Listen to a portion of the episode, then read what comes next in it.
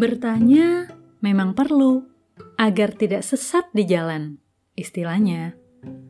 Namun, jika sedikit-sedikit bertanya, enggan membaca dan mendengar informasi yang sudah diberikan, itu malas namanya.